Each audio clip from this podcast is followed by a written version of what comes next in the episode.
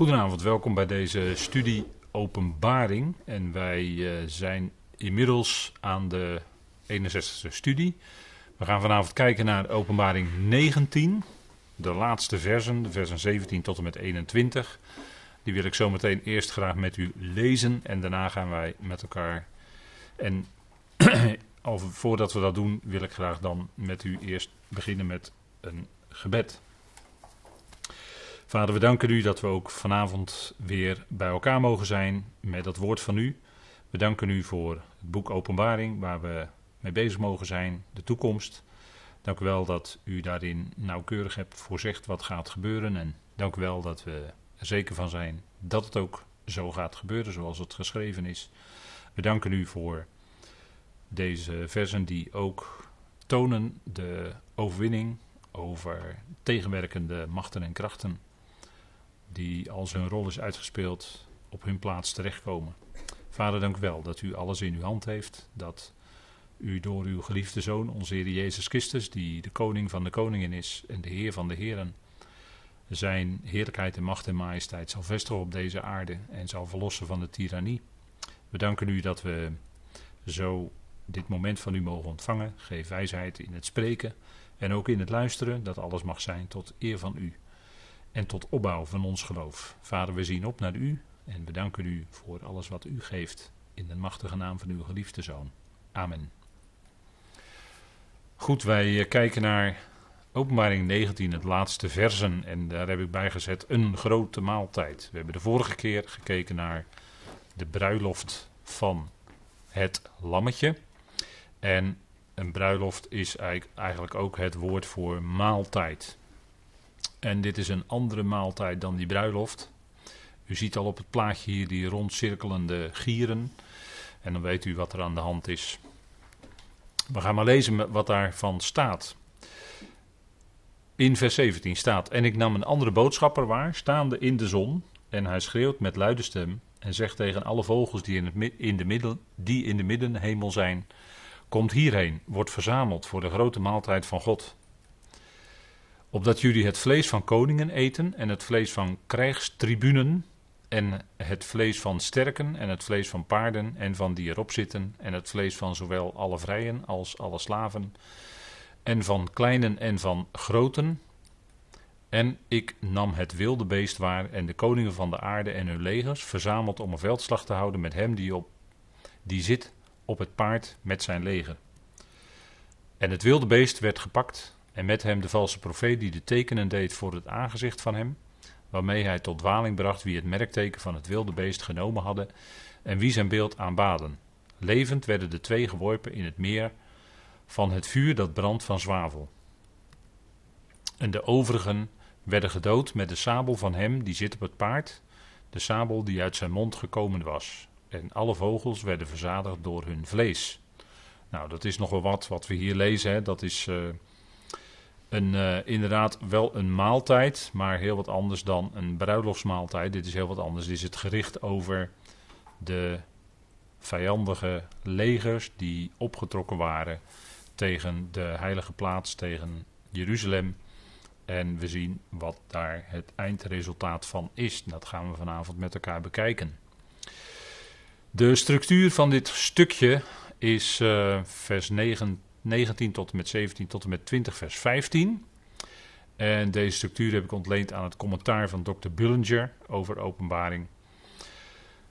En dan lezen we dus in vers 17 tot 21 gaat het over mensen, het gericht over het beest en de valse profeet. En de andere, vers, hoofdstuk 20 vers 1 tot 3, Satan, gericht over Satan. 20 vers 4 tot en met 6, mensen, gericht, over, gericht van de overwinnaars.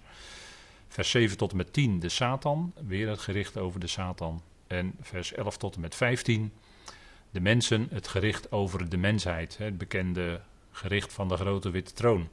Dus we zien hier steeds afwisselend in de structuur mensen en dan over geesten, dus de Satan en andere, en dan weer over mensen en zo in de afwisseling. Hè? Goed, dan uh, zoomen we even in op dit stukje 19, uh, eh, vers 17 tot en met 21. Dan zien we hier een, een kleine structuur. De boodschapper in de zon, dan de boodschapper verkondigt, dan het beest en de confederatie op aarde. En vers 20 en 21 de vervulling van de verkondiging. Dus dan heb je even een klein idee wat daar zo al uh, vermeld wordt. En dat is weliswaar in redelijk korte, sobere bewoordingen.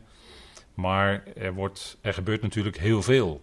Er wordt niet een uitgebreide beschrijving gegeven van een veldslag. Maar het wordt in sobere bewoordingen verteld. En we gaan ook nog wat inzoomen op wat andere gedeeltes die je daarnaast kunt leggen. Om te zien wat daar nog meer van geschreven staat. Goed, we gaan naar de vers 17. En er staat: En ik nam een andere boodschapper waar, staande in de zon. En hij schreeuwt met luide stem en zegt tegen alle vogels die in de middenhemel zijn: Komt hierheen, wordt verzameld voor de grote maaltijd van God. En hoe dat staande in de zon, hoe, je dat, hoe letterlijk je dat moet nemen, weet ik niet. Ehm, ik denk dat, dat het, uh, Johannes dat zo zag. Dat hij die boodschapper zag staan, als het ware, in de zon. Maar het kan best zijn dat die zon dan een heel stuk achter die boodschapper was, maar dat die boodschapper zo in, midden, in, midden voor die zon ging staan. En dan zie je dat als in de zon. Dus dat zou kunnen, dat hij dat zo heeft gezien. Misschien moet je het zo opvatten. En dan schreeuwt die boodschapper met luide stem. Hè, we zien steeds in openbaring dus een opeenvolging van boodschappers. De ene boodschapper staat op de aarde en de andere is bij de tempel en deze is dan in de zon. Dus dat heeft iets te maken met uh, hemelse, hè, met de hemel. Zon hè, staat in de hemel, hemelen. Uh, een boodschapper. Dus uh, we gaan er zonder meer vanuit dat dit een hemelse boodschapper is. En die, die schreeuwt zelfs met luide stem. Dus dat is een stem die, die weer klinkt door heel die schepping heen. Die zal overal, degene die dat moeten horen, die zullen dat horen. En die zegt tegen alle vogels die in de middenhemel zijn. En we nemen dat allereerst letterlijk. Het zijn letterlijke vogels. En dat is ook, blijkt ook uit het gedeelte als dat gericht geweest is. Dat ze ook dat vlees van die verslagenen opeten. En dat uh, gebeurt in de natuur ook. Maar we kunnen dat ook zien als een typologische aanduiding van geesten slash demonen. dat is natuurlijk de vogelen van de hemel. Is vaker in de schrift een, een beeld, een, een, typologische aanduiding van geestelijke machten en krachten. En uh, dat is, uh, uh, we hebben dat gezien ook in de beschrijving van Babylon, hoofdstuk 18, dat het de woonplaats is geworden van alle, allerlei onrein gevogelte. En uh, tegelijkertijd worden in één adem dan ook demonen en alles genoemd. Hè? Dus dat zit natuurlijk in de betekenis zit dat uh, bij elkaar. Maar het gaat hier om letterlijke vogels. Het is ook natuurlijk gewoon de zon. En die boodschapper is natuurlijk een hemelse boodschapper. En die roept. En dan worden die vogels, die krijgen een sein en die gaan dan naar een bepaalde plek toe. Hè? Dat is wat we hier zien. En de middenhemel, ja, ik weet niet hoe je dat moet opvatten. Want het model van de schepping is uh, altijd een beetje moeilijk. Hè? Dat, uh, hoe dat in elkaar zit, daar is in het verleden natuurlijk alles uh, het nodig over te doen geweest in de geschiedenis. Hè? Het, hoe, hoe, ziet dat wereldbeeld er nou uit? Draait de aarde nu om de zon of draait de zon ergens om de aarde? Of um, hoe moeten we dat zien? het is, ehm, dat is allemaal heel lastig. Hè? Er zijn verschillende gedachten over. En uh, soms denk je in de Bijbel dat er komt toch een bepaald beeld naar voren. Maar goed, um, ik denk dat het ook weer niet uh, zo belangrijk is om daar nou over te gaan twisten. Je kunt erover nadenken op een, op een goede manier met elkaar. En dan kun je zeggen, nou het is zus of het is zo. Het kan zo zijn of het kan zo zijn. Het is verder niet zo heel erg belangrijk punt. Hè? Maar die middenhemel, dat valt je dan wel op. En dan, ik, ik denk dan altijd to, toch terug aan het herstelwerk wat God doet in, de, in Genesis 1. Dat dan een uitspansel wordt, hè, er staat er wordt een uitspansel gemaakt. Hè, eh, dat wordt rakia, dat, dat duidt op iets, iets een soort, soort uh, je moet dan denken aan iets wat gespannen staat, een tentdoek wat uitgespannen wordt. En dat is dan eigenlijk het, dat is die ruimte die God dan maakt. En daarin dan gaat hij daarna verder met het herstelwerk. Hè? Dus dan, eh, en dat is dan toch. De beschrijving is dan dat het midden in de. Ja, midden in die, uh, in die watermassa. De wateren worden van elkaar gescheiden. Hè? De wateren boven, de wateren beneden. En dan komt er een uitspansel. En staat er ook. God noemde dat uitspansel hemel. Hè, dat, uh, zo staat het in Genesis 1. als het herstelwerk na de nederwerping ons aangezegd wordt. Goed, de middenhemel. En dan staat er: Komt hierheen, wordt verzameld voor de grote maaltijd van God. En zo, die uitdrukking komen we eigenlijk verder nauwelijks tegen in de schrift. Hè. Wordt verzameld tot de grote maaltijd van God. Um, ja, dat is uh, natuurlijk uh, iets wat dan heel bijzonder is. Als al die vogels daarheen geroepen worden en die boodschappen die schreeuwt luid. Dus het is een belangrijk gebeuren. En in feite wat we hier dan ook lezen is dat er een definitieve slag wordt toegebracht aan de vijandige legers. En het is natuurlijk wel in het verleden vaker gebeurd dat vijandelijke legers optrokken naar Jeruzalem. Jeruzalem is natuurlijk ook in de afgelopen 2000 jaar meerdere keren verwoest geworden. de, de moslims die hebben het veroverd en daarna hebben de christenen in de kruistocht het weer veroverd en, daarna is het weer veroverd. En allemaal puinlagen ook. Dus als je in Jeruzalem loopt moet je wel bewust zijn dat je bovenop allemaal puinlagen loopt. Dat je bijvoorbeeld niet uh, de echte Via Dolorosa loopt, maar een Via Dolorosa, die hebben ze daar gemaakt en uh, aangenomen dat die er ongeveer zo heeft uitgezien. Maar de werkelijke, die lag dan veel lager. Hè? Als je in Jeruzalem komt, je wordt daar rondgeleid, dan weet je dat dat gewoon meters en meters lager ligt dan waar jij dan oploopt. Hè? Dus je moet dus zich dat wel bewust zijn. Maar ik heb daar een tekst bij gezet, Jeremia 12 vers 9. En daar wordt een soortgelijke beschrijving uh, gedaan. En wil ik dan even met u lezen. Daar staat in Jeremia 12. En uh, dan gaat het natuurlijk het verdriet van de Heer over zijn volk Israël. Hè. Jeremia is natuurlijk altijd een beetje, wordt altijd een beetje genoemd een klaagprofeet. Maar goed, er staan ook geweldige beloften in voor de toekomst. Maar in vers 9 staat dan: Mijn eigendom is voor mij een gespikkelde roofvogel. De roofvogels zijn rondom tegen hem. Kom, verzamel u alle dieren van het veld. Laat ze komen om te eten. Vele herders hebben mijn wijngaard te gronden gericht. Nou, uh, vele herders, uh, mijn wijngaard is natuurlijk Israël. Ze hebben mijn land stuk vertrapt. Hè, ze hebben mijn stuk land vertrapt. Um, vele herders is natuurlijk de, degene die aangesteld waren als leiders over het volk. Hè. Um, koningen in, in, uh, van Israël werden ook gezien als een herder. Hè. Die hadden ook een herderlijke functie. David was bijvoorbeeld een uh, goede koning en Salomo ook, was ook een goede koning. Nou, die moesten dan ook hun volk herderen. dat is wel de gedachte bij het woord koning. En dat beeld van uh, uh, schapen en herder, dat is natuurlijk helemaal Israël. Dat is heel duidelijk.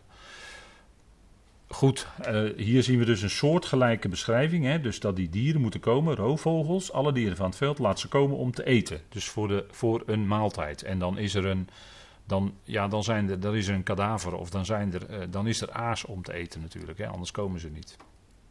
Goed, dus ze worden uitgenodigd voor die maaltijd. En er staat dan in vers 18 van Openbaring 19: En ik nam waar dat uit de mond van de draak en uit de mond van het wilde beest en uit de mond van de valse profeet drie onreine geesten kwamen. En we springen dus nu even terug naar Openbaring 16, heb ik hier aangehaald op deze dia alsof het kikvorsen waren, want ze zijn geesten van demonen die tekenen doen, die uitgaan over de koningen van de gehele bewoonde aarde, om te verzamelen voor de veldslag van de grote dag van de Almachtige God. Dit is, open, dit is openbaring 16. En dit schrijft eigenlijk toe naar, de, naar het 16e vers waar staat uh, Armageddon. Dus daar worden die legers allemaal verzameld. En we zien hier dat dus uit de mond van de draak, hè, de, de, tegenstander wordt in de eindtijd de draak genoemd. U ziet hier een plaatje van het sterrenbeeld Draco. Dus de draak, dat staat ook in sterren geschreven, dat is ook precies volgens de cyclus. In de dierenriem, als de zon daar doorheen loopt, dan uh, komt hij op een gegeven moment bij de draak. En dat klopt dan ook precies in Gods heilsplan. Hè. Je kunt het hele plan in de sterren zien staan. Als je, dat, als je de schrift daarnaast legt, hè, als je het... Uh, in leest als je het uh, waarneemt in het licht van de schrift. Maar dan zie je dus wat daar gebeurt. Dus die, uh, die draak, hè, uit de mond van de draak, mond van wilde beest, mond van het die spreken dus. En er komen drie onreine geesten. En die geesten die gaan naar de regeringen van de aarde, de koningen van de aarde. En die zorgen ervoor dat ze verzameld worden. Hè, dus die trekken ze als het ware naar dat Midden-Oosten toe, naar Israël toe, naar Jeruzalem toe, om die beslissende veldslag te gaan leveren.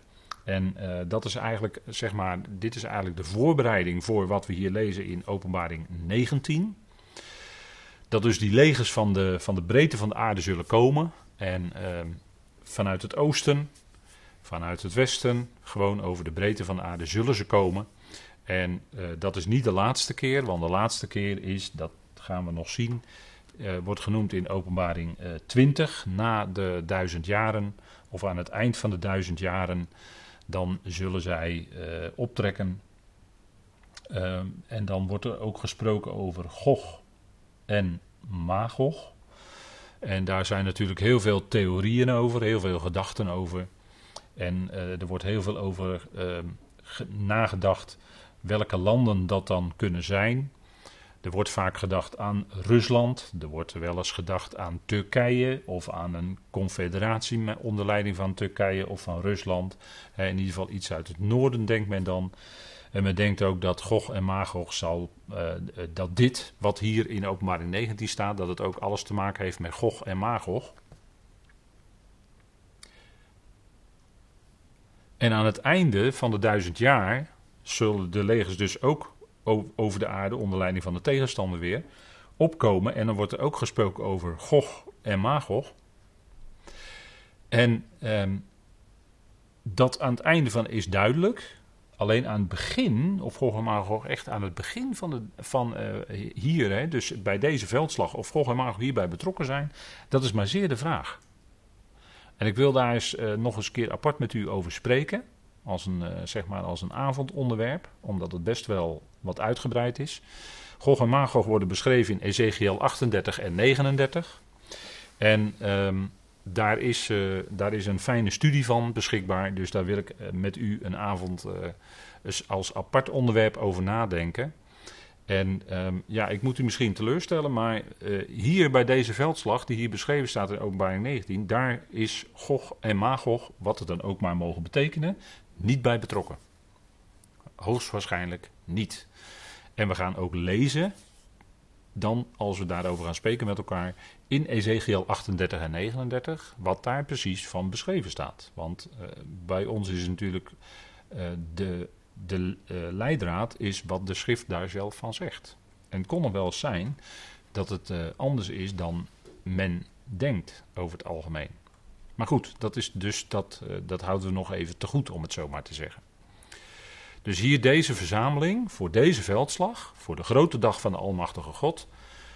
Dat, daar is niet Gog en Magog, Ezekiel 38, 39 bij betrokken, om het zo maar te zeggen. Dus dat gaan we even met elkaar een andere keer, of niet even, maar dat gaan we een andere keer met elkaar zorgvuldig nalopen.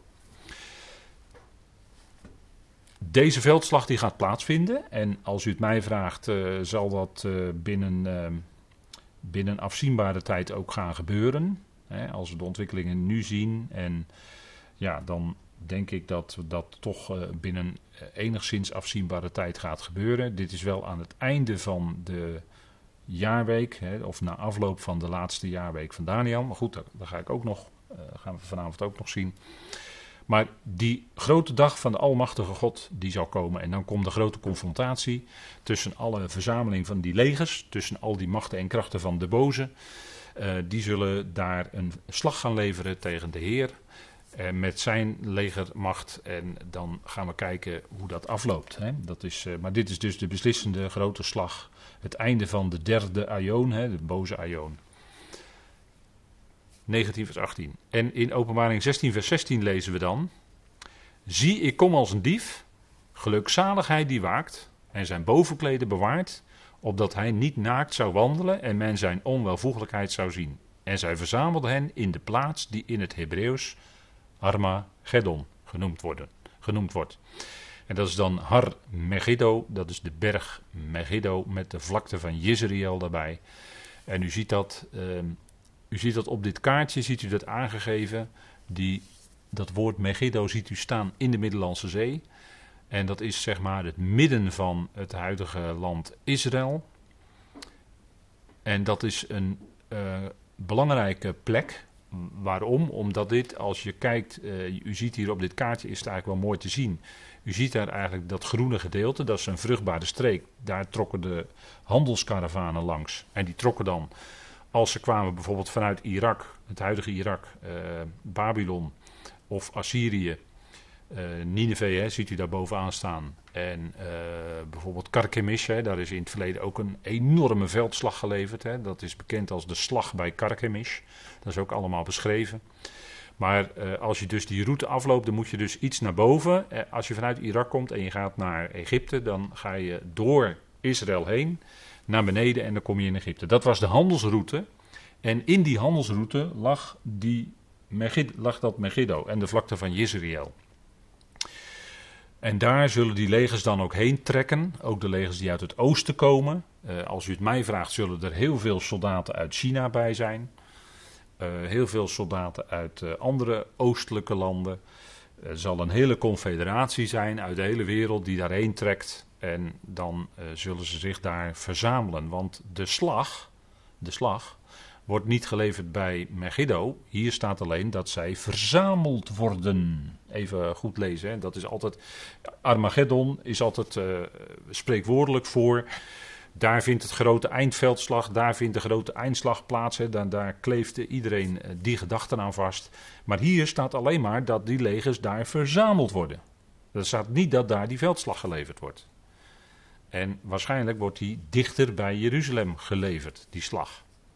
Dus dat is even. En misschien worden die in die slag worden die legers wel steeds. Ze hebben zich daar verzameld en dat zijn er dan heel erg veel. Uh, die worden dan steeds aangevoerd, die hebben steeds nieuwe aanvoer nodig, want ja, die, die legers die worden dan verslagen. Dus ik stel me dat ze voor dat er dan steeds nieuwe troepen richting Jeruzalem moeten gaan uh, zich verplaatsen. En dat, ze, dat er steeds meer troepen daarvan aan aangevoerd worden. Zo stel ik me dat voor. Nou goed, wat er ook van is. Ik ben geen. Uh, ik ben natuurlijk geen uh, stratege of wat dan ook, maar zo stel ik me dat dan een beetje voor. Hè? Dus ze worden daar verzameld bij die Har Megiddo. En dat is de strijd van de natieën tegen God en zijn gezalfde. Dat is nu nog vaak een onzichtbare strijd die zich afspeelt in de geestelijke wereld, om het zo maar te zeggen. Dat is een strijd tussen de geesten, de geestelijke machten. We lezen daar ook iets over bijvoorbeeld in Daniel 10, he, dat hebben we ook gezien dat die uh, uh, vorst van Perzië, meen ik, of die vorst van uh, Israël, die werd drie weken tegengehouden. En dat was de tijd dat Daniel in gebed was. Maar dan zie je dus dat in die aan landen zijn ook geestelijke vorsten verbonden. Dat is dan kennelijk in de, in de geestelijke wereld, in de hiërarchie, want daar heb je ook soevereiniteiten. Hè? Dus uh, ik stel me zo voor dat zo'n vorst van Perzië dan een soevereiniteit is. En die, heeft dan, uh, die beheerst dan geestelijk gezien zo'n land. En uh, zo'n hi hiërarchie heb je natuurlijk ook tegenwoordig in de wereld. Hè. Dat, dat, is al, in de wereld is daar ook een bepaalde opbouw in hiërarchie. Je hebt natuurlijk uh, landelijke machthebbers, maar je hebt daarboven ook natuurlijk over grotere gebieden of over werelddelen heb je machthebbers. En daarboven heb je ook weer machthebbers. Hè. Zo heeft iemand, die heeft daar ook een boek over uitgebracht en in kaart gebracht. Iemand die heeft zelf gewerkt bij een geheime dienst, geheime diensten. En die heeft in kaart gebracht dat er waarschijnlijk 300 mensen zijn in de wereld, belangrijke mensen die zo'n beetje het voor het zeggen hebben in de wereld. Maar er zijn ook anderen die, dan, die dat wel erkennen, maar die zeggen dan ook weer dat er boven die 300 of uit die 300 weer een raad van 13 is. 13. En dat is dan eigenlijk de top. En die dertien hebben dan allemaal een gebied onder zich. Zijn allemaal mensen, maar dat is, dat is, uh, die worden begeesterd, zeg maar, door geesten. En die hebben dan een, een, bepaald gebied in de wereld onder zich. Dus dan heb je 13, daaronder 300. En dan heb je zo'n beetje, zeg maar, de top van uh, hoe de wereld bestuurd wordt. En daaronder is allemaal wat verder uitwerking daarvan. Hè. Maar de strijd is om die wereldmacht te hebben niet in afhankelijkheid van God, niet in afhankelijkheid van de Heer Jezus Christus, maar in afhankelijkheid van Lucifer. Dat is, dus dat is heel wat anders. Dan zit je precies aan de andere kant. Dan, zit je, dan hebben we het over de grote tegenstander van God. Lucifer betekent lichtdrager en dat woord is ontleend aan de Engelse King James Version. daar wordt het woord Lucifer gebruikt. In uh, Jezaja 14. En dat is eigenlijk ten onrechte, maar goed, dat is een heel eigen leven gaan leiden. En zo duidt men vaak dan de tegenstander van God aan als Lucifer. En dat is voor hen dan de leider. En ze staan onder die leider en ze verzetten zich tegen God en zijn gezalfde. En dat lezen wij ook in Psalm 2. Psalm 2.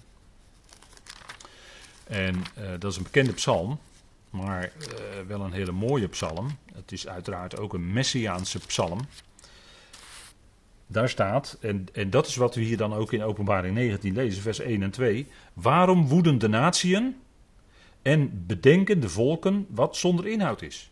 De koningen van de aarde stellen zich op en de vorsten spannen samen tegen Yahweh en tegen zijn gezalfde. En dat is wat dan hier in die eind, als die eindslag gaat plaatsvinden, dat is aan de hand. Dat is aan de hand. En in hun hart is, laten wij hun banden verscheuren en hun touwen van ons werpen. Want misschien is dan in die tijd alleen nog in Israël een, een groep, of is Israël staat voor degene die dan nog niet de, de tegenstander willen aanbidden. En dat is dan als laatste verzetshaard, zeg maar, wordt dat dan misschien wel gezien. En dat is dan de reden waarop men dan optrekt tegen Jeruzalem. Nou, dat is aan het einde van de. Dat is na het einde van de 70ste jaarweek. De koningen, de oversten over duizend. Hè, we hebben net het woord krijgstribunen gelezen. Nou, je kun je ook vertalen met oversten over duizend. In het Griekse woord zit in ieder geval het woord duizend. En dan zijn daar sterken, paarden, ruiters, slaven, vrijen en kleinen en groten. Kortom, de natieën hebben zich verzameld tegen de Heer en zijn gezalfde. En de natieën, die zijn hier ook bij elkaar, maar om een hele andere reden. Hè. In, eerder in hoofdstuk 19 zagen we dat ze ook te gast waren bij de bruiloft van Israël, maar dat is in het komende koninkrijk. Maar hier zijn de natie ook aanwezig, maar dan voor iets heel anders om zich te verzetten tegen God en zijn gezalfde. En dan staat er ook, en die in de hemel woont, zal lachen.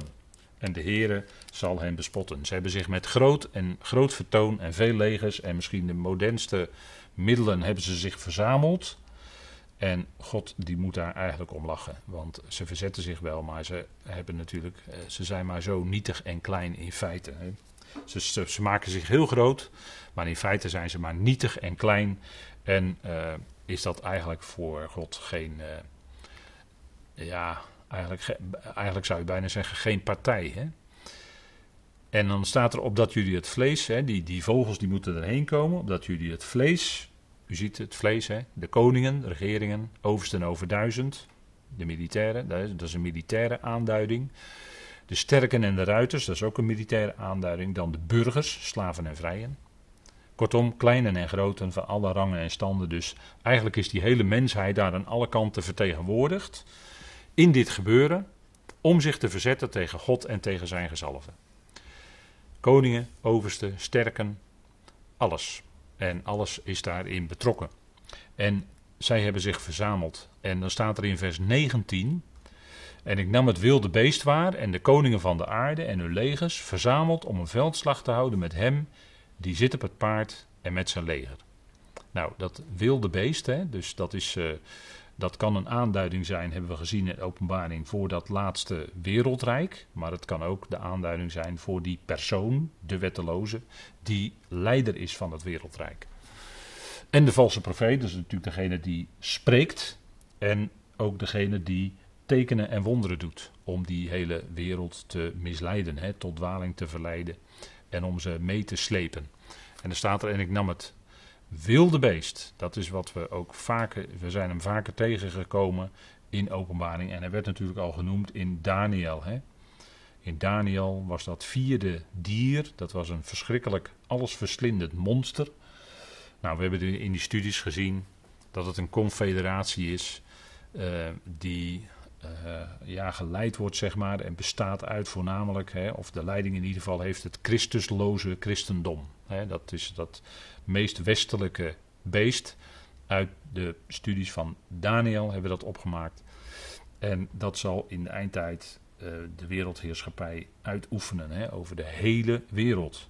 En dat er zo'n gecoördineerde actie mogelijk is, dat hadden uitleggers misschien uh, ja, maar moeilijk gedacht. Het kan, kon natuurlijk altijd al wel, maar in de wereld van vandaag zien wij dat gecoördineerde acties mogelijk zijn, waarin in de hele wereld hetzelfde wordt gedaan. He, waarin in, in vrijwel de hele wereld dezelfde maatregelen worden toegepast om uh, iets te bedwingen. En dat is eigenlijk nog nooit zo geweest in de geschiedenis van de mensheid. Dat is toch, en dat maakt deze tijd toch ook wel uh, een tijd waarin wij dus dingen zien gebeuren die uniek zijn en die we sinds uh, het begin van de mensheid niet zo hebben gezien. En je ziet dus dat ook hier in, de, in deze gecoördineerde actie, dat dus die legers die komen overal vandaan. En uit alle geledingen, uit alle samenlevingen, uh, alle naties en talen enzovoort zijn erin vertegenwoordigd. En dat, is, dat maakt het toch wel bijzonder, denk ik, wat wij in onze dagen zien. En um, we, we, we hebben ook uh, woorden te horen gekregen als uh, hè, de, uh, dat wat nu genormaliseerd is, is anders dan wat tot voor kort, hè, tot voor een jaar geleden, voor ons allemaal normaal was. er wordt nu gesproken over iets anders wat dan nu normaal gevonden wordt of moet worden. En de vraag is, de vraag is, of dat het oude weer terug gaat komen of niet. En soms ben ik geneigd om te denken, de laatste maanden ben ik geneigd om te denken, dat die oude situatie uh, niet meer terug gaat komen. Maar dat we nu stappen aan het zetten zijn op weg naar de eindtijd. Hè. Als we strikt genomen praten over de eindtijd, is dat de tijd waarin de, waar, uh, als de gemeente het lichaam van Christus is weggenomen. En de dingen die in het boek Openbaring staan gaan gebeuren. En ook Daniel, hè, dat is eigenlijk strikt genomen de eindtijd. Dus in die zin zeg ik van wij zetten nu stappen op weg naar de eindtijd waarin deze profetieën allemaal tot vervulling kunnen gaan komen. En, en dit zijn wel, als u het mij vraagt, redelijk duidelijke stappen die gezet worden. Nou goed, uh, verderop in deze studie daarover meer. En dan uh, kijken we even in een ander gedeelte wat ook spreekt over wat we hier in Openbaring 19 vanavond als onderwerp hebben. En dat is Zacharia 12. Zacharia 12, dat spreekt daar ook over. Want daar gaat het ook over legers die opgetrokken zijn naar Jeruzalem, hè, naar die heilige stad. En we lezen hier in uh, vers 1 en 2 de last van een woord van Yahweh over Israël, de verzekering van Yahweh, die de hemelen uitstrekt en de aarde fundeert en die de geest van de mens vormt in zijn binnenste. Zie, ik maak Jeruzalem tot een drempel van huivering voor alle volken rondom. En ook voor Juda zal het zijn in de belegering tegen Jeruzalem. En als we dan kijken in wat er in die hoofdstukken beschreven staat, hè, Zachariah 12 tot en met 14, dan lees je eigenlijk uh, wat daar gaat gebeuren, wat er gaat plaatsvinden als de Heer gaat komen, hè, als de Heer als Yahweh Zebaoth, als de Heer, en de Heer van de menigte gaat komen en hij zijn voeten zal zetten op de Olijfberg. En dan lees ik met u even, de eerste twee versen hebben we hier kunnen meelezen en ik lees u even verder in de herziende statenvertaling in Zachariah 12. Op die dag zal het gebeuren dat ik Jeruzalem zal maken tot een steen die moeilijk te tillen is voor al de volken. Allen die hem optillen zullen zichzelf zeker diepe sneden toebrengen en alle volken van de aarde zullen zich tegen haar verzamelen. Tot dan toe is Jeruzalem een onderwerp geweest van heel veel discussie en gesprek. En we hebben gezien dat een land als Amerika, een groot land als Amerika, daar hun ambassade naartoe hebben verplaatst. En dat was toch wel een historische gebeurtenis. Maar eh, hier zien we dus uh, dat men zal optrekken. En al de volken van de aarde zullen zich tegen haar verzamelen.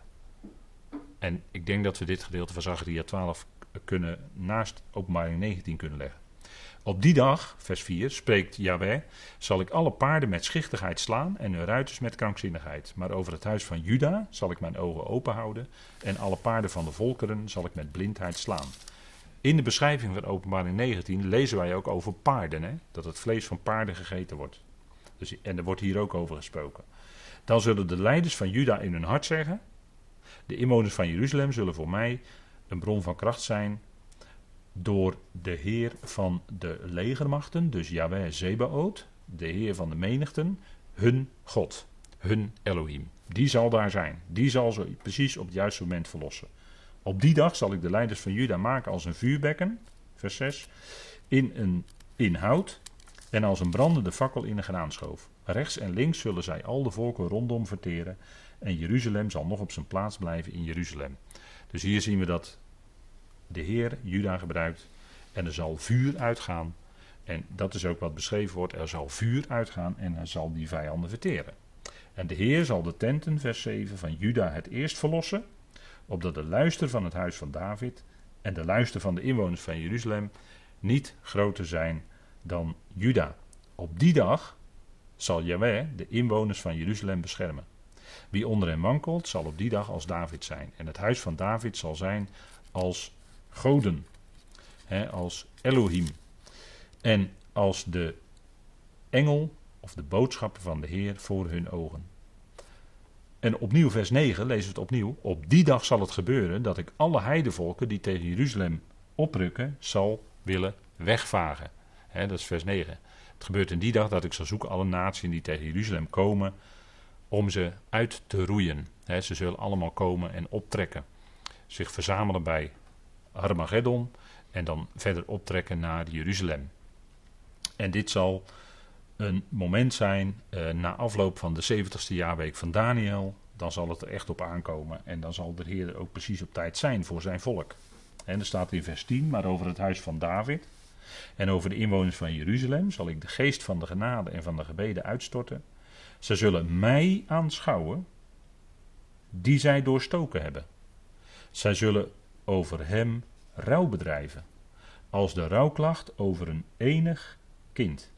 En ze zullen over hem bitter klagen, zoals men bitter klaagt over een eerstgeborene. Kijk, dit is de aanduiding van de Heer. De Heer die komt. Ze zullen zien wie ze doorstoken hebben. En hier is uh, de Heer aan het woord. Hier is de Heer aan het woord.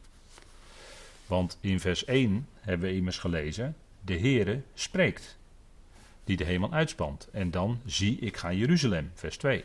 En dan gaat hij door met spreken. En dan zegt hij dus in vers 10: Zij zullen mij aanschouwen die zij doorstoken hebben. Ze zullen over hem rouw bedrijven. En dan zullen ze zien dat ze uh, in de Heer, Yahweh, in feite hun Yahweh, of degene die Yahweh representeert en daarom ook Yahweh genoemd kan worden, dan zullen ze zien dat degene die in zijn naam heeft Yahweh redder, dat hij het is. Dat hij het is die zij doorstoken hebben. Dat zal hij dan aan hen tonen. En dan zullen ze rouw bedrijven. Ze zullen zich op de borst slaan. Hè? Op eh, vers 11. Op die dag zal in Jeruzalem de rouwklacht groot zijn.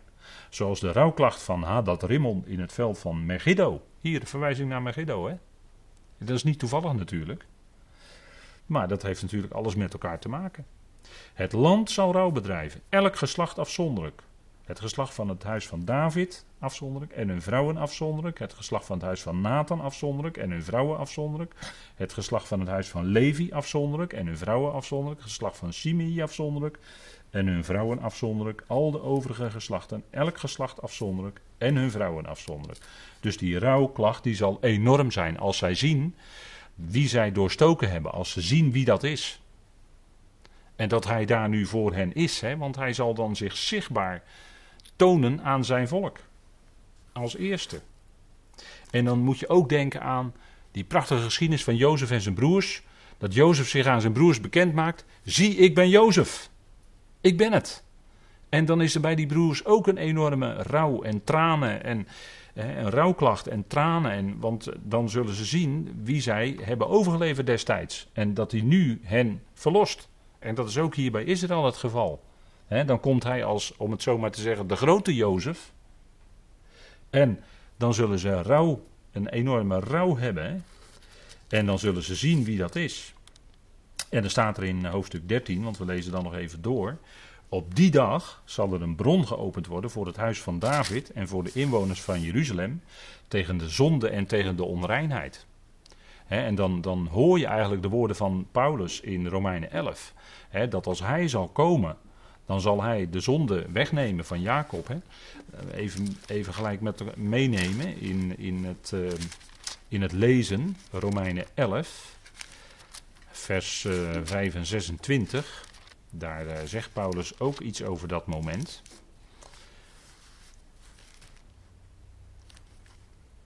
Want ik wil niet, broeders, vers 25, dat u geen weet hebt van dit geheimenis, opdat jullie niet wijs zouden zijn in eigen oog, dat er voor een deel verharding over Israël is gekomen, totdat de volheid van de natie is binnengegaan.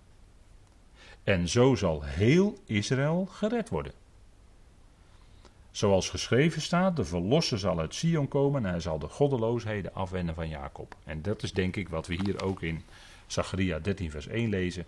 Dat zal een bron zijn en die zal, hun, eh, die, die zal hen reinigen van de zonde en de onreinheid. Want zonde en onreinheid was in, in die dagen verschrikkelijk aanwezig daar. Wat denkt u ervan? Aanbidding van het beest. Aanbidding van het beeld van het beest. Nou, dat is een enorme verontreiniging hoor, van het land. Verschrikkelijk.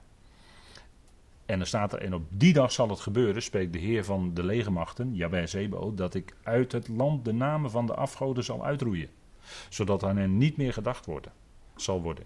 Ja, ook de profeten en de onreine geest zal ik uit het land wegdoen. Wat denkt u van? Die, die valse profeten die er dan zullen zijn. Die onreine geest die daar dan is. En die hen dwong om dat beest en het beeld van het beest te aanbidden. Die onreine geest, daar hebben we dan over. Hè? Die uitgaat van, uh, we hebben er net gelezen over, uit de mond van de draak komen drie onreine geesten. We hebben net gelezen. En die verzamelen die volkeren. Dat is dan een en al onreine geest, dat is leugengeest, dat is de valsheid. Hè? Dat is het pseudo. En, en, en dan in, in die tijd zal de leugen helemaal regeren. En, en uh, dat is wat, wat we dan hier uh, zien. Hè? De profeten en de onreine geest zal ik uit het land wegdoen. En het zal gebeuren wanneer iemand toch nog profeteert. Dat zijn vader en moeder die hem voortgebracht hebben tegen hem zullen zeggen: Jij mag niet blijven leven, want je hebt leugens gesproken in de naam van de Heer. He, dat zijn valse profeten. Ze spraken in de naam van Jahweh, maar het was niet van Jahweh. Zijn vader en moeder die hem hebben voortgebracht, zullen hem doorsteken wanneer hij profiteert. Moet u eens nagaan hoe het er dan enorm op aankomt hè, in die tijd. Op die dag zal het gebeuren dat die profeten beschaamd zullen worden. Ieder vanwege zijn visioen wanneer hij profeteert. Ze zullen geen haren mantel aantrekken om te liegen. Maar hij zal zeggen: Ik ben geen profeet, ik ben een man die het land bewerkt, omdat iemand mij heeft geworven vanaf mijn jeugd. En als men tegen hem zegt: Wat betekenen deze wonden aan uw handen? Dan zal hij zeggen dat ik geslagen ben in het huis van hen die mij liefhebben. En dan een oproep: hè? Zwaard ontwaakt tegen mijn herder. En tegen de man die mijn metgezel is, spreekt Jaweh van de legermachten: Sla die herder. En de schapen zullen overal verspreid worden, maar ik zal mijn hand tot de kleine wenden. En het zal gebeuren, spreekt Jaweh, dat in heel het land twee derde ervan uitgeroeid zal worden en de geest zal geven. En een derde zal ervan overblijven en dat derde deel. En ik zal dat derde deel in het vuur brengen en het louteren zoals mijn zilver loutert. Ik zal het beproeven zoals mijn goud beproeft. Het zal mijn naam aanroepen en ik zal het verhoren en ik zal zeggen, dit is mijn volk. En zij zullen zeggen, de Heere is mijn God. Dus er gaat toch heel wat gebeuren. Er gaat toch heel wat gebeuren. dat, uh, dat zelfs twee derde nog om zal komen. Dat een derde nog zal overblijven. Dat derde deel wordt gelouterd. Maar dat derde deel zal ook dan zijn volk zijn. En zij zullen dan dat koninkrijk binnengaan. En kijk, als we net gelezen hebben in Romeinen 11 dat Paulus zegt: En zo zal heel Israël gered worden. Dan moeten we wel kijken binnen welk tekstverband hij dat zegt. Als die volheid van de natieën binnengaat, dan zal heel Israël gered worden. Maar dat is dan dat hele Israël, dat hele gelovige Israël, wat het koninkrijk zal binnengaan. Dat Israël, dat is dan heel Israël. En dat wil dus niet zeggen dat dat alle Israëlieten zijn van alle tijden enzovoort. Nee, het is dat Israël wat dan het koninkrijk binnengaat. Die groep. En natuurlijk is daarna, hè, enige tijd daarna, 75 dagen, 75 dagen na het einde van de grote verdrukking, zal de opstanding van de rechtvaardigen zijn. En dan zullen er nog veel toegevoegd worden. En dat, dat zal dan ook horen bij dat heel Israël. Maar dat heeft deel aan het koninkrijk. Maar er zullen nog heel wat Israëlieten geen deel hebben aan het koninkrijk. Geen deel hebben aan een Ionisch leven. En die zullen bij de grote witte troon ook gericht worden. Net als de rest van de mensheid die ongelovig stierf. Dus kijk, het is natuurlijk wel zo. Uiteindelijk inderdaad, ja, zal heel Israël gered worden. Natuurlijk, als je echt wil zeggen. Alle Israëlieten, maar dan is iedereen gered. Dan is die hele mensheid gered. Dus alle volkeren ook. ieder, ieder, ieder, is dan, ieder mens is dan individueel gered en levend gemaakt. Natuurlijk, dat moment komt. Maar waar Paulus het over heeft in Romeinen 11, markeert de aanvang van het koninkrijk Dan zal de Heer komen, de Verlosser zal uit Sion komen. Hij zal de goddeloosheden, van, de oneerbiedigheden van Jacob afwenden en hun zonde wegnemen. En dan zullen ze deel hebben aan dat nieuwe verbond. En in dat nieuwe verbond, dat is dan een huwelijkssluiting, dat is opnieuw een huwelijk, de bruiloft van het lammetje. Dan zullen zij deel hebben in dat nieuwe verbond aan de zegeningen van de Messias die hij hen zal geven hier op aarde. Dat is helemaal de lijn van Israël. En wat dan uh, het complement van de natieën is, de, de, de, volheid van de natieën. Nou goed, dat laat ik dan nu even liggen. Maar wat dat dan precies is.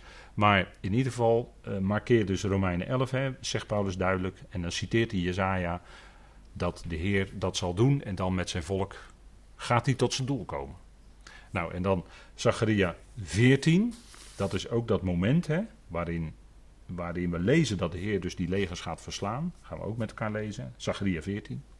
Zie, er komt een dag voor Yahweh, vers 1, waarop de buit op u behaald in uw midden zal worden verdeeld. Dan zal ik alle heidevolken verzamelen voor de strijd tegen Jeruzalem.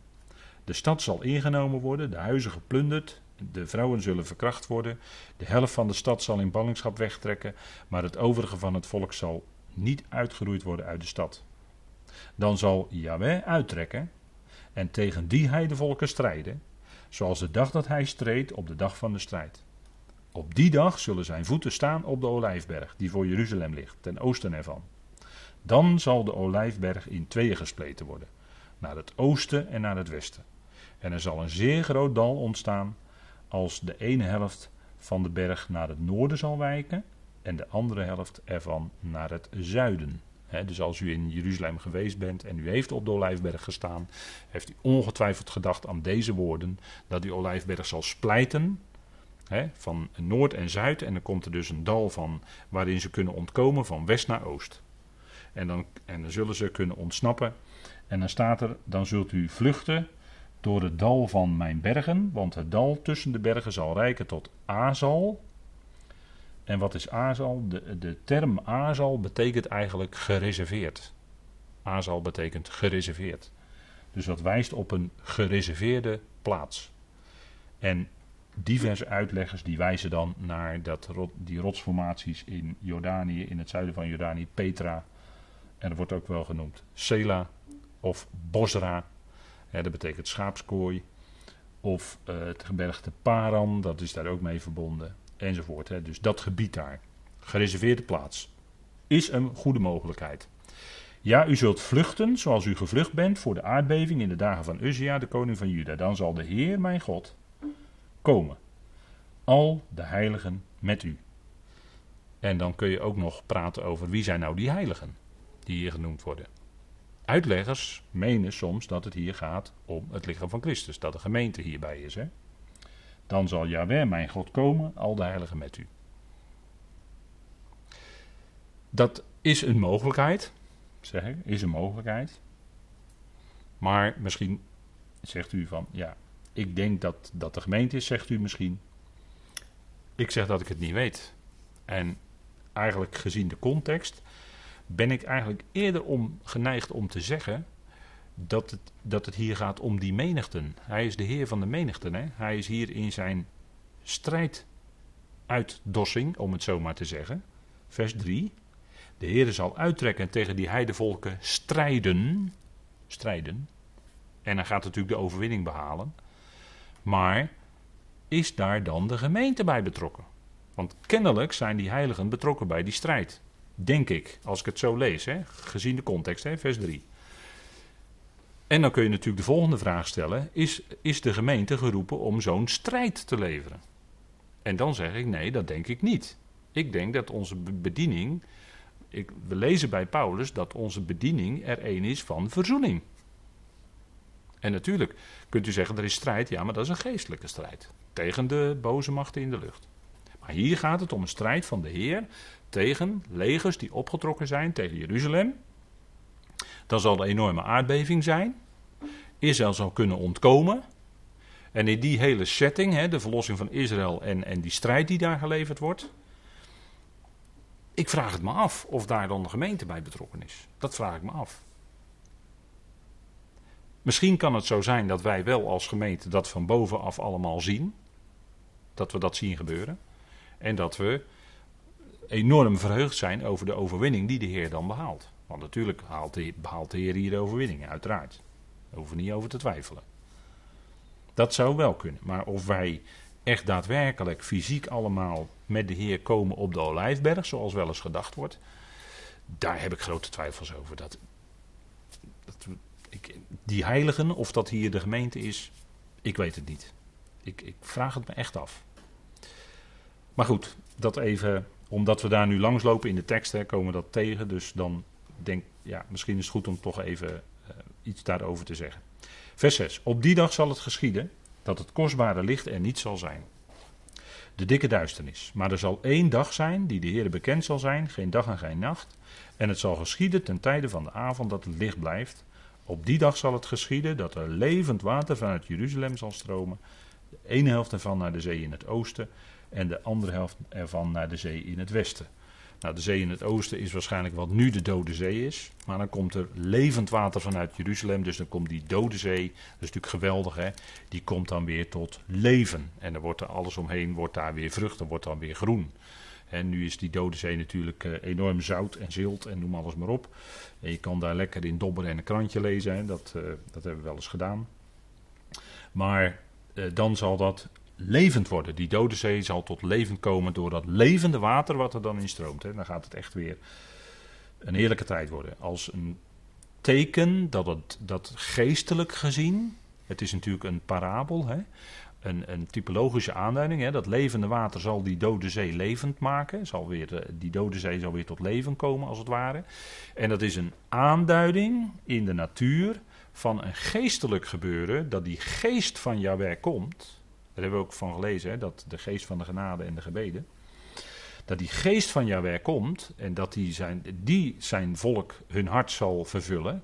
En dat die enorme vreugde komt. En zo zal dat volk weer tot leven komen. Zo, dat is de wedergeboorte. Dit is de wedergeboorte dan. Hè? Dit is dan de wedergeboorte van Israël. Daar gaat het om. Daar had de Heer het over in Johannes 3 met Nicodemus. De wedergeboorte. Jullie als volk zegt hij tegen de leraar van Israël: Jullie moeten wedergeboren worden. Die apostelen zullen zitten op twaalf stammen om te regeren over de twaalf stammen van Israël. Wanneer? In de wedergeboorte. Wedergeboorte is nu niet een term voor deze tijd. En daarin houden we de lijnen van de schrift aan. We passen een juiste schriftindeling, om dat woord maar te gebruiken, toe. Dat zijn gewoon de lijnen die de schrift zelf aangeeft. Wedergeboorte is specifiek bedoeld voor Israël. De Heer zegt het in Johannes 3 tegen de leraar van Israël. Jullie, Israëlieten, moeten wederom geboren worden. Wordt nooit tegen de natie gezegd. Nooit. En in deze tijd gaat het veel verder en veel dieper als het gaat op het lichaam van Christus. Wij zijn in Christus een nieuwe schepping een nieuwe schepping. Dan ben je voorbij de wedergeboorte, want de wedergeboorte is de duizend jaar. En daarna komt die nieuwe schepping en daar hebben wij in Christus al deel aan. Dus wij zijn in de geest al veel verder gezet dan de wedergeboorte. Het is misschien in dit verband dan goed om dat nog eens even te onderstrepen. U weet dat natuurlijk allemaal al lang, dus u hoeft het eigenlijk helemaal niet te zeggen. Maar ik denk dat het af en toe toch goed is om het even nog een streepje erbij te zetten. Hè? U weet dat natuurlijk best. Nou, Levend water. Levend water. De Heer zal koning worden, vers 9, over heel de aarde. Hij zal dus zijn koning der koningen. Hebben we gelezen in Openbaring 19, vers 16. Dat hij is de koning van de koningen. En op die dag zal de Heer de enige zijn en zijn naam de enige. En heel het land zal als de vlakte worden van Geba tot Rimmon, ten zuiden van Jeruzalem. Maar dat zal verheven worden op zijn plaats, bewoond blijven vanaf de poort van Benjamin af tot de plaats van de vroegere poort toe, tot aan de hoekpoort en van de Hana, Hananeeltoren af tot de perskijper van de koning en zij zullen erin wonen. Een ban zal er niet meer zijn, Jeruzalem zal onbezorgd wonen. Let op, dat is de toestand in de duizend jaar. Jeruzalem zal onbezorgd wonen, want de Messias zal over hen regeren met een ijzeren roede. Hij zal die shalom bewaken voor zijn volk. Jeruzalem zal onbezorgd wonen. Dan, en dan is ook het gebed om de vrede van Jeruzalem passend. Dan, dan is het gebed passend. Shalom van Jeruzalem, daar, daar kun je dan voor bidden. Hè? In die tijd zal men dat ook doen. En dit zal de plaag zijn waarmee de Heer alle volken zal treffen die tegen Jeruzalem hebben gestreden. Hij zal ieders vlees, terwijl hij nog op zijn voeten staat, doen wegteren.